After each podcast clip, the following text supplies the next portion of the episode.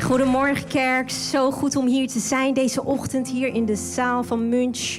Ook voor de mensen die thuis meekijken, jij bent ook onderdeel van wat God aan het doen is hier in Rotterdam. Zo blij, zo blij. Hey, de meeste mensen kennen mij wel, maar voor degenen die mij niet kennen, ik ben Ciara Scholten. Ik ben getrouwd met de man van mijn dromen. Ja, ja. Ik was, uh, ik was zo'n meisje die zo'n lijstje bijhield van hoe een man van God eruit moet zien. Alles klopte, behalve één ding. Zijn naam, Henk. Henk, ik had nooit durven dromen dat ik met een Henk zou trouwen. Maar ik heb er geen moment spijt van gehad. Zo dankbaar. Een vriend van ons zei ooit: iedereen heeft een Henk in zijn leven nodig. En daar zeg ik amen op. In ieder geval voor mezelf. en we hebben ook een heel lief zoontje, Marcus heet hij. Hij uh, is bij de kids beneden. En uh, ja, geweldige jongen. Ik, uh, ik hou allemaal quotes bij van wat hij tegen mij zegt. Dat is echt grappig om te doen als je moeder bent. Wat hij laatst zei, hij zei... Mama, ik wil me heel graag laten dopen. Maar dan wel met een duikbril op. hij is er nog niet klaar voor. Hij durft niet onder water. Maar goed, ik mag dus vandaag met jullie het woord induiken. Daar heb ik onwijs veel zin in. Maar voordat ik dat doe, wil ik graag bidden. Lieve Vader in de hemel, Heer, dank u wel. Dank u wel dat u hier in ons midden bent. Dank u wel dat uw geest hier rust en ook bij de mensen thuis die meekijken. Heer, en we vragen, wilt u onze harten openen? U wilt vandaag giften uitdelen, Heer. En ik bid, Vader, voor ja, dat mensen in een receive mode zijn. Een mode dat ze ontvangen, Heer. Dat wat u wil geven, wat u wilt spreken tot de harten. Dank u wel, Heer. Wilt u ook mijn woorden salven met uw kracht, de kracht van de Heilige Geest. En dat bid ik in Jezus' naam. Amen, amen. Hey, heb je wel eens van die momenten in je leven dat de dingen die jij gewend bent om te doen, eventjes niet werken. Dat het gebed wat jij bad geen uitwerking lijkt te hebben. Of de werken die je deed even geen vruchten meer dragen. Ik heb ook zo'n moment gehad en uh, ik wil je daar graag in meenemen. Um, zoals de meesten van jullie wel weten, ben ik werkzaam als stewardess. Dat doe ik al 18 jaar met heel veel plezier en heel veel liefde. En ik heb ook al een keer gedeeld dat tijdens mijn vluchten is het altijd turbulentievrij. Echt waar, lieve mensen. Waarom? Ik bid altijd voor de vlucht. En ook als er tijdens de vlucht even turbulentie komt, dan bid ik ook. Want ik geloof in het woord van God. En het woord van God laat Jezus zien dat Hij de wind stilt en dat wij in diezelfde kracht mogen wandelen. Dus in die 18 jaar heb ik dat ook altijd zo gedaan. Totdat vorige maand ik een vlucht had. Ik ging naar Kroatië. Het was een avondvlucht. Alles ging helemaal goed, soepel, totdat we bijna Kroatië naderden. Er was een hevige storm. Er was hevige turbulentie. Mensen overgeven. Wij moesten gaan zitten. Als de stewardess moet gaan zitten, dan weet je dat het wel even een heftige turbulentie gaat worden. Dus ik zat daar op mijn stoel. En ja, weet je, vol in de glorie. Ik denk, nou heer, weet je, u heeft het altijd gedaan. Ik bad, wind stil, turbulentie weg in de naam van Jezus. En ik deed dat echt een aantal minuten, maar het, het werkte niet. En uh, ik begon te twijfelen. Ik denk, oké, het werkt niet meer. Wat nu? Wat nu? En ik zat daar in mijn stoel en je kan je voorstellen, het ging helemaal heen en weer en op en neer. En Wendy vindt dat geweldig, want Wendy is ook even stewardess geweest. Ze zegt, oh, dat vond ik het leukste, turbulentie. ja, dat heb je een keer tegen mij gezegd. Maar ik niet. Ik vind dat niet fijn en ik weet dat mensen dat ook niet fijn vinden. Maar goed, dus het werkte niet, het gebed. En ik deed mijn ogen dicht. Deed mijn ogen dicht en ik zei: Heer, is dit nu het moment dat we echt gaan neerstorten? Ja, echt zo erg was het. Het was de worst case scenario, kreeg ik in mijn hoofd. En ik, ik herinner me dat ik mijn al, wij zijn zo goed getraind hè, als cabin attendants, dat je gewoon precies weet wat je moet doen, wanneer, wat en welke deur, welke commando's. Alles ging door mijn hoofd, want wij worden daar heel goed in getraind. Dat was één stuk, maar de andere stuk was toch een stukje angst. Dat ik denk van oké, nu is misschien toch het moment dat het gaat gebeuren. Hè? En ik zat daar in mijn stoel, ik deed mijn ogen dicht, ik nam een diepe adem. En Jezus bracht mij terug naar die tekst. Waar ik altijd vooral gericht was op het wonder wat Jezus deed. En dat is de wind stillen, de storm stillen. Bracht hij mij terug naar die tekst. En ik deed mijn ogen dicht en weet je, God heeft je niet voor niks verbeeldingskracht gegeven. Onder andere ook om de teksten in de Bijbel gewoon ook echt voor je te zien. Om er zo als het ware in te stappen. En ik stapte als het ware in een tekst van Marcus, waar ik al die tijd hè, geloofd heb in het wonder wat Jezus deed, dat ik dat ook kon doen. En het is naar die tekst dat ik jullie mee wil nemen. Ik ga hem even voorlezen. En dat is Marcus 4, vers 35 tot en met 41. Dus ik neem je even uit het verhaal van mij en we gaan nu de Bijbel induiken. Toen het al laat was geworden, zei Jezus: Laten we naar de overkant gaan van het, laten we naar de overkant van het meer varen. Ze verlieten de grote groep mensen en voeren weg met Jezus, die al in de boot zat. Er voeren nog andere bootjes met hen mee. Het begon, het begon te stormen. De golven sloegen in de boot, zodat hij vol liep. Maar Jezus zelf lag achter in de boot tegen het kussen te slapen. Ze maakten hem wakker en riepen: Meester, kan het u dan niet schelen dat we zinken? Jezus werd wakker en zei streng tegen de wind en het meer: Zwijg, wees stil. En de wind ging liggen en het water werd helemaal rustig. Hij zei tegen hen: Jezus, waarom waren jullie zo bang? En waarom hebben jullie geen geloof? De discipelen, ze waren geschokt en zeiden tegen elkaar: Wie is hij toch? Zelfs wind en het water gehoorzamen hem. Dus ik zat daar op die stoel en ik had in mijn verbeelding had ik echt dit verhaal en ik stapte in dat verhaal en hij zei tegen mij: "Ciara, wat ben ik aan het doen tijdens deze storm?" En ik zag hem en hij was aan het slapen en dat is een teken van rust. Een bovennatuurlijke rust. En ik keek naar hem in dit verhaal. En het was zo'n bijzonder encounter moment. Want ik ervoer echt die rust die hij had, die kwam over me heen op dat moment. En het maakte me allemaal niet uit dat het even allemaal hè, turbulent was om me heen. Maar er kwam een rust over me heen. Die rust die hij daar liet zien. En welke rust is dat nou precies? Ik geloof dat hij daar zo kon slapen. Uiteraard was hij heel erg moe. Want ze hadden heel de dag het woord eh, van het koninkrijk gebracht naar de mensen. Mensen genezen en allerlei dingen gedaan. Hij was menselijkerwijs ook gewoon moe. Maar ik geloof ook, het feit dat hij daar kan rusten, is dat hij 100% volledig vertrouwde op God de Vader. Dat daar de kracht in zat. En dat, dat heeft mij echt even een ander perspectief gegeven. En toen dacht ik, ja, ik heb eigenlijk altijd gekeken naar alleen het wonder wat hij deed. Maar het feit dat hij dat wonder kon doen, is dat hij 100% volledig op God vertrouwde.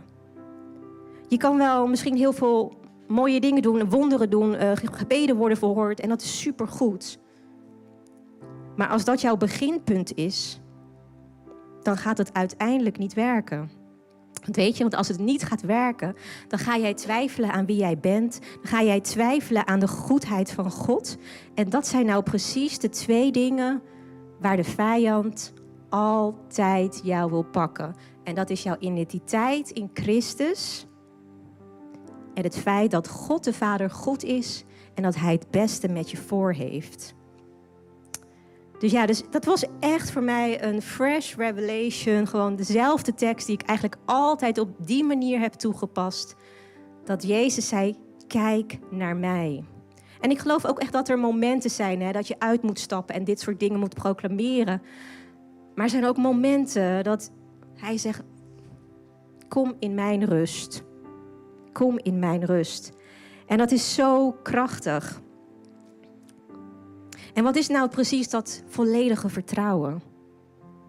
Wat betekent dat nou? Sowieso, als jij een intieme relatie met iemand wil opbouwen, is daar vertrouwen nodig. Er is vertrouwen nodig om die relatie ja, gezond te laten groeien. En voor mij de ultieme stukje vertrouwen wat ik ooit gehoord heb, en Henk heeft dat ooit een keer gedeeld hier ook heel lang geleden. Dat was van dat jongetje. Dat jongetje die echt een mooie relatie met zijn vader heeft, had, bestaat niet meer, had. En zijn vader en hij hadden elke ochtend echt quality time waarin zijn vader tegen hem zei: Ik hou van jou. Ik zal er altijd voor je zijn. Elke ochtend hoorde hij dat. En toen was er op een gegeven moment een grote aardbeving in Albanië. Dit speelde zich af in Albanië. En je kan wel raden wat er gebeurt. Het jongetje die raakt onder bedolven, onder al die stenen. Hij was op school op dat moment en hij was daar met andere kinderen onder die stenen. En hij zei tegen die andere kinderen: Het komt goed. Mijn vader komt mij redden. Dat heeft hij altijd gezegd. En het heeft drie dagen geduurd voordat die vader daar uiteindelijk was. En toen die vader daar was, was het voor hem ook echt van: Papa, ik wist dat u zou komen. Ja, dat, dat is voor mij het beeld van volledige vertrouwen.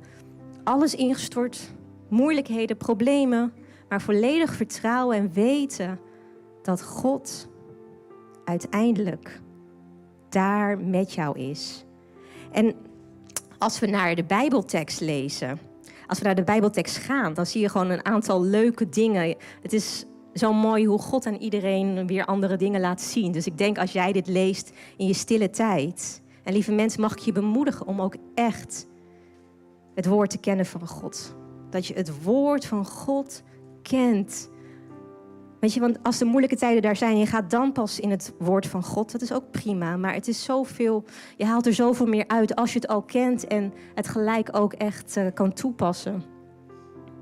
Maar als je naar het woord van God kijkt hier in Marcus, ik vind het leuk. Ik vind het mooi hoe, um, hoe de discipelen reageren. Heel menselijk, zo zou ik denk ik ja, eigenlijk ook wel reageren, toch? Meester, kan het u dan niets schelen? Ik denk dat dat een natuurlijke reactie. Ik, ik zie het voor me dat mensen hier, die hier zijn ook wel zeggen tegen God van... Jezus, kan het u niks schelen dat mijn moeder ziek is? Waarom komt u niet met uw genezende hand? Jezus, kan het u niks schelen dat mijn huwelijk op klippen loopt? U was daar bij de zalving. Al dat soort vragen is heel normaal. En Jezus is daar ook niet bang voor of zo. Je mag dat soort vragen stellen. Dus, en dan zie je ook hoe Jezus, als hij dan wakker wordt, hoe hij dan reageert. Zwijg, wees stil.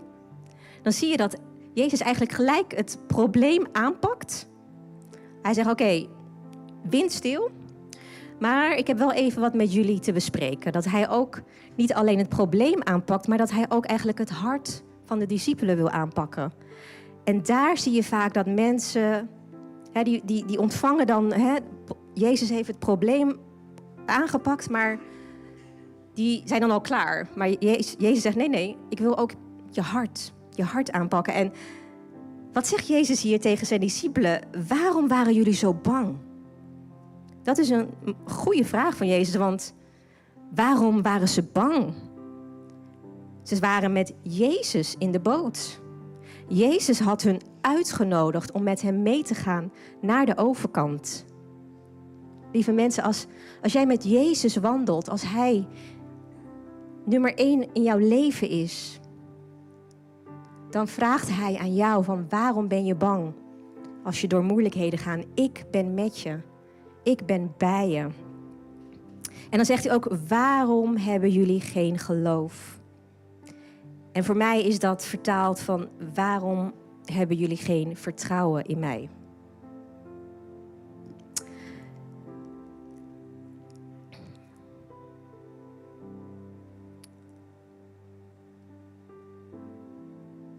Weet je, het, het mooie van deze tekst, dat stukje zwijg en wees stil, wat ik eigenlijk altijd heb toegepast, als het ware voor een wonder, hè, om, het, om, om de turbulentie te stoppen. Ik geloof dat Jezus vandaag hier is en ook bij de mensen thuis, dat hij zwijg, wees stil, tegen de storm spreekt die hier binnenin afspeelt. Dat, waar je ook doorheen gaat, al die stemmen die je misschien hoort, negativiteit, alle moeilijkheden, de storm hier. Vaak is de storm hier groter dan de storm daarbuiten. Dat hij op dit moment zegt: zwijg, wees stil. En ik hoop dat je het ontvangt. Want er zijn zoveel woorden van leven die hij over je uit wil spreken. Maar als je midden in die storm bent, in je hoofd of in je hart, dan hoor je dat gewoon niet. Dan hoor je dat niet. Dan, dan heb je Jezus nodig die tegen jou zegt: zwijg, wees stil. Ja, dat is zo krachtig, lieve mensen. En als ik vier, vier dingen mag meegeven dit is misschien even een side note hoor, maar ik heb erover nagedacht. Als ik vier dingen mag meegeven uit mijn eigen leven waar jij misschien iets aan hebt, is dat allereerst zorg dat je een intieme relatie met Jezus hebt. Je hoort het elke week in de kerk, maar soms heb ik het idee dat het alleen in de kerk blijft. Dat als je dan thuis bent, dat mensen hele andere sprongen maken. Ik denk, heb jij een relatie met Jezus? Zorg dat je een intieme relatie met Jezus hebt. Weet je, en Jezus is heel persoonlijk. Je kan hem niet in een box plaatsen. Weet je, de een die houdt van noodsmaken, de andere houdt van soken, de andere houdt van dansen. Wat het ook is, weet je, zorg dat je je relatie met Jezus bouwt. En het tweede is het woord van God. Het woord van God is het levende woord. Het ademt. Zodra jij het woord opent, is is alsof de adem van God over je heen komt. Het is een levend woord. En ik vind het gewoon triest om te zien dat mensen ervoor kiezen om het woord niet te lezen. Die al jarenlang christen zijn, maar ja, gewoon de Bijbel niet openen, het woord niet openen. En Weet je, ik wil je aanmoedigen en bemoedigen. Zorg dat je het woord induikt, dat je het woord kent. Daarnaast, het derde is dat je weet en dat je ook gaat uitstappen in de kracht van de Heilige Geest. Want ja, je hebt Jezus aangenomen. Ja, je kent het woord misschien. Maar hij nodigt je ook uit om in de kracht van de Heilige Geest te gaan wandelen. En wat is dat nou? Dat kan op allerlei manieren. Hij heeft jou zoveel gaven gegeven. Wandelen in de kracht van de Heilige Geest kan heel simpel. Door gewoon ook te beginnen met een bemoedigend woord. Je denkt, ja, dat is toch niet de kracht van de Heilige Geest? Nou, zeker wel. Jouw woorden hebben kracht. En als jij spreekt, spreek jij met dezelfde autoriteit die Jezus heeft. Dus als jij in een situatie bent of ergens komt waar heel veel ja, oneenigheid is, als jij daarin meegaat in dat gesprek en eigenlijk niet leven brengt, dan komt er ook geen leven. Maar jij hebt die autoriteit, jij hebt de kracht van de Heilige Geest, dus jouw woorden hebben kracht.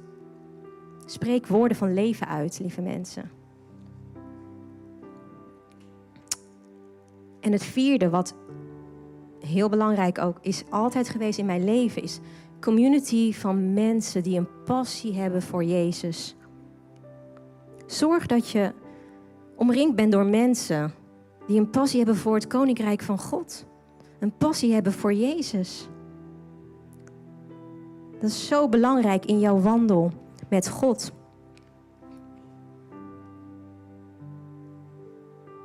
Ik denk dat de main message van dit alles is het vertrouwen in God. Het vertrouwen en weten dat Hij voorziet in alles. Dat Hij jou lief heeft. Dat Hij weet waar je doorheen gaat. Dat Hij naast jou staat. Ik heb soms het idee dat mensen meer vertrouwen hebben in slecht nieuws dan goed nieuws. Dat ze meer vertrouwen hebben in alle complottheorieën dan in het woord van God. Of dat ze meer vertrouwen hebben op hun eigen emoties en gevoelens en noem maar op, dan op de kracht van de Heilige Geest. Stop daarmee. Weet je, ga naar zijn woord. Wandel in de kracht van de Heilige Geest. Ga naar Jezus en omring je met de community van mensen die gepassioneerd zijn voor het Koninkrijk. Mag ik jullie vragen om te staan? We gaan een moment van worship in. En ik wil jullie eh, uitnodigen om samen met God gedurende worship met Hem een stukje vertrouwen wat je misschien bent kwijtgeraakt, wat voor gebied dan ook, bij Hem neer te leggen. Dankjewel.